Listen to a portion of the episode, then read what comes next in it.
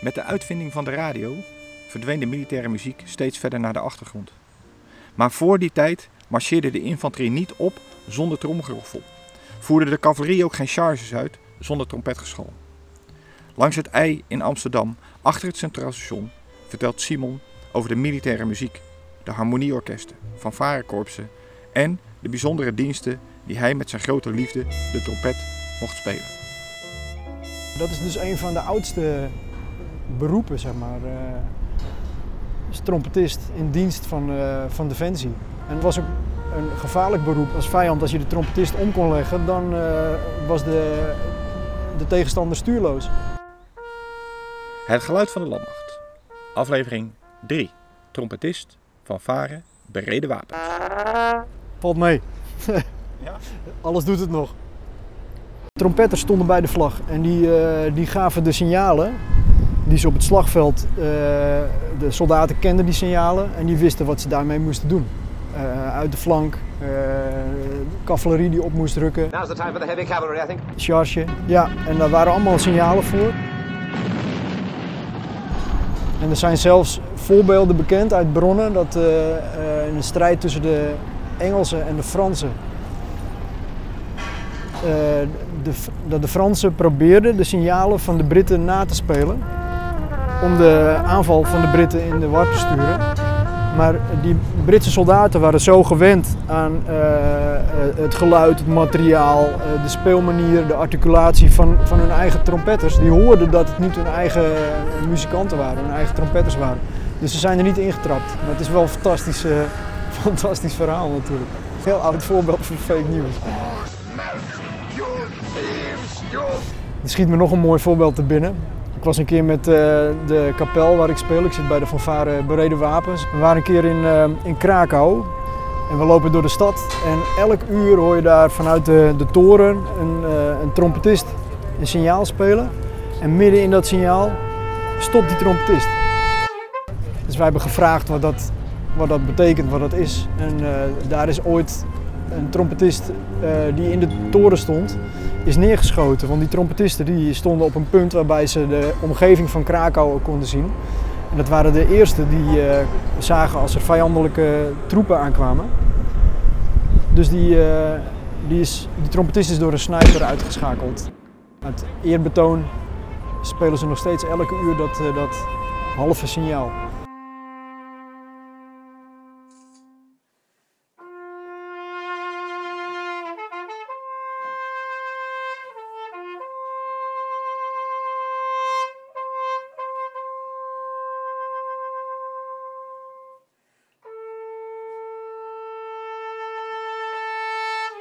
Eh, het gebeurt in het moment, zeg maar, en dan is het weer weg. Ooit was New York de enige stad die nooit sliep. Maar tegenwoordig leidt elke zichzelf respecterende metropool aan insomnia. Twee minuten per jaar mag na het blazen van signaal tap toe bij het monument op de Dam Amsterdam even een oogje dicht doen. Een dutje dat in 2010 overigens vreed verstoord werd en eindigde in een nachtmerrie door de schreeuw van General P. Ik ga een signaaltje spelen voor je.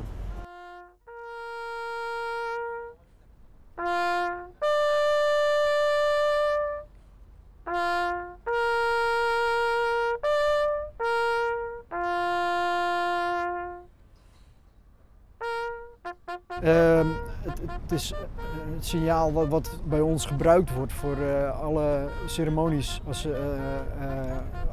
als er één minuut stilte, dus bij herdenkingen.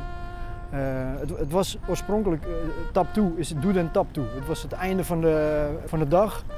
De soldaten moesten naar de barakken en alles was klaar. Dus daar is het oorspronkelijk voor bedacht.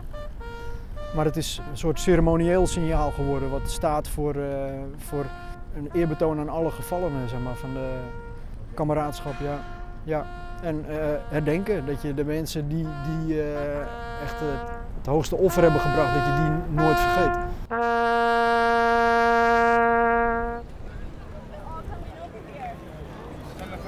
Apart, apart om dat hier te doen. Ja, normaal is zo'n signaal het middelpunt van een ceremonie. En dan is het volkomen stil. Dan is iedereen, dan is, het bijna, is de lucht bijna geladen, zeg maar. En eh, soms zijn mensen ook geëmotioneerd. omdat ze terugdenken aan wat er gebeurd is. Of eh, als je het bij een kist speelt aan, aan degene die overleden is. Dus het is meestal een heel eh, intens moment, zeg maar. Ik zie het altijd als een soort, eh, een soort uitroepteken in de tijd. Je speelt en het gebeurt in het moment, zeg maar, en dan is het weer weg. Maar het is heel, eh, heel intens daardoor. Waarom komt er zo'n instrument in je, in je leven? Dat is, eh, dat vraag ik me nog steeds af. Ik vond het fascinerend. Zo'n zilver glimmend ding die een hoop... eh, het is heel aanwezig. En ik, ik pakte hem wel eens stiekem. Dan ging ik op de trap zitten en dan probeerde ik ook geluid eruit te krijgen. En mijn vader vond het natuurlijk leuk. Dus die heeft eh, ook geregeld dat ik een oud trompetje kreeg van de harmonie. En eh, mijn eerste lessen kreeg ik van hem. Dat ging niet heel goed, dat hoor je wel vaak. Maar mijn vader heeft wel ervoor gezorgd dat ik, eh, dat ik een hele goede privéleraar kreeg. En dat was een eh, trompetist die woonde in de buurt en die was eh, eh, eerste trompetist bij de Koninklijke Militaire Kapel in Den Haag. Doordat ik bij hem les had, ben ik ook wel eens naar concerten van de Koninklijke Militaire Kapel geweest. Dat vond ik heel mooi. Ik speelde ook in een harmonieorkest eh, in Den Oever, in het plaatsje waar ik eh, opgegroeid ben, geboren ben en opgegroeid. En daar was ook wel eens een, een, tap toe eh, op de haven als het kermis was. En daar speelde dan ook de Marinierskapel. Nou ja, als kind, ik wist niet wat ik zag. Die speelde muziek van Star Wars en was voorkomen in de wolken. Dat was echt, had ik nog nooit gehoord. Toen zei mijn leraar waar ik toen les had, dat was Ad van Zon van het Rotterdamse Philharmonisch. Die zei, eh, er is een plek vrij bij uh, Varen in, eh, in Amersfoort, eh, was dat toen nog, op de Bernhard gezin. Daar heb ik even over nagedacht. Ik hoefde niet zo lang na te denken. Ik denk, ik spring er gewoon in. En ik vond het fantastisch. Ik moest er even aan wennen, aan al die, aan die, die, die gekke wereld. Mijn eerste dienst die ik daar meedraaide was Leden Prinsjesdag. van de Staten-Generaal. En dan sta je daar, weet je wel. De commandant kon mij nog even vertellen. Ik stond achteraan in het orkest. Dat ik als ik in de. Eh, als we in de houding stonden, dat ik mijn, hakken bij elkaar moest zetten. Dat wist ik nog niet eens. Ik had nog geen opleiding gehad of niks. Dat kwam later pas. Maar eh, zo ben ik eh, in, eh, in militaire dienst gekomen. Als trompetist speel je ook solodiensten. En ik heb ook eh, ik heb wel eens op, op het punt gestaan om naar Afghanistan af te reizen toen er een Nederlander omgekomen was. In uitzendgebied dus. Op het laatste moment werd het afgeblazen omdat ze in Afghanistan niemand hadden die mij kon begeleiden. Dus dat was ik alleen maar ballast. Eh, ik heb toen eh, in Eindhoven op het vliegveld eh, gespeeld toen de kist aankwam.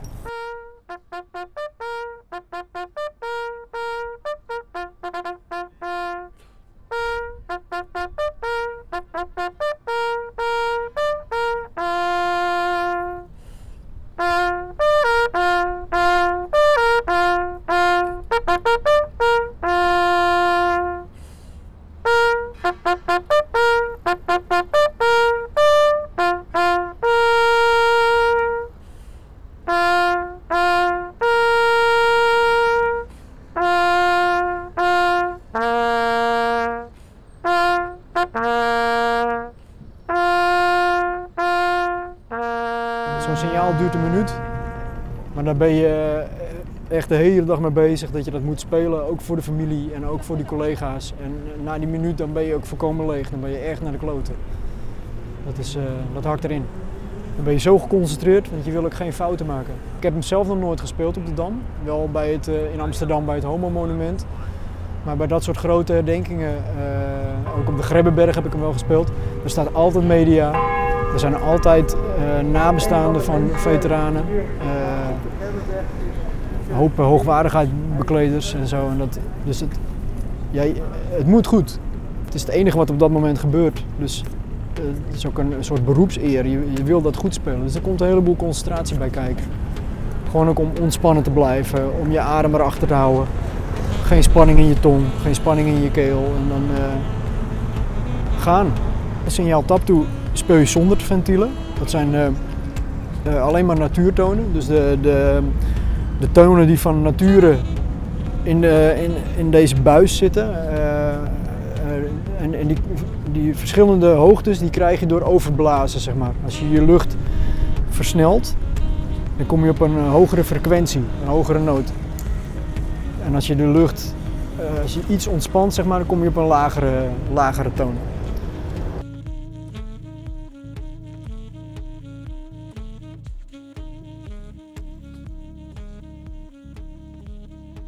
Signaal Taptoe mag bijzonder, of zoals iemand het zelf zegt, een uitroepteken in de tijd zijn. Maar er is zoveel meer. Met het fanfarekorps bereden wapens treedt hij over de hele wereld op. Paarden hebben ze al lang niet meer. Die zijn vervangen door het meest Hollandse vervoersmiddel dat er is. Bicycle, bicycle, bicycle. I want to ride my bicycle, bicycle, bicycle. Klopt, ja.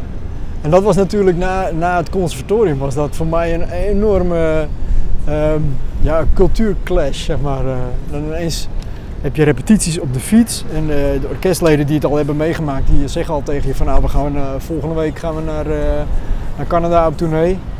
En let maar op, de mensen breken de tent af.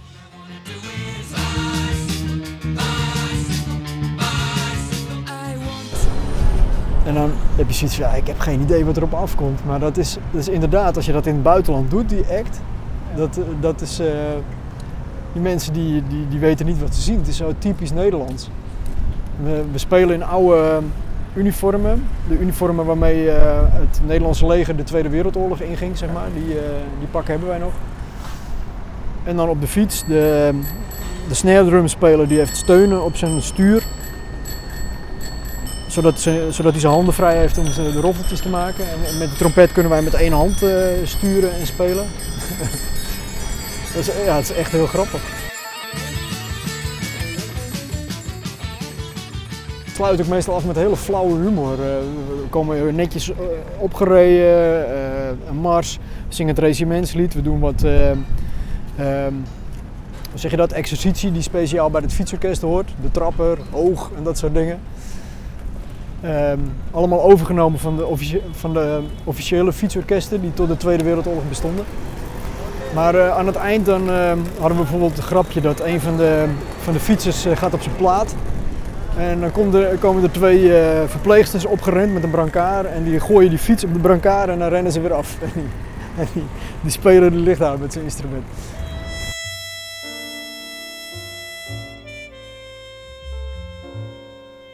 Valt mee.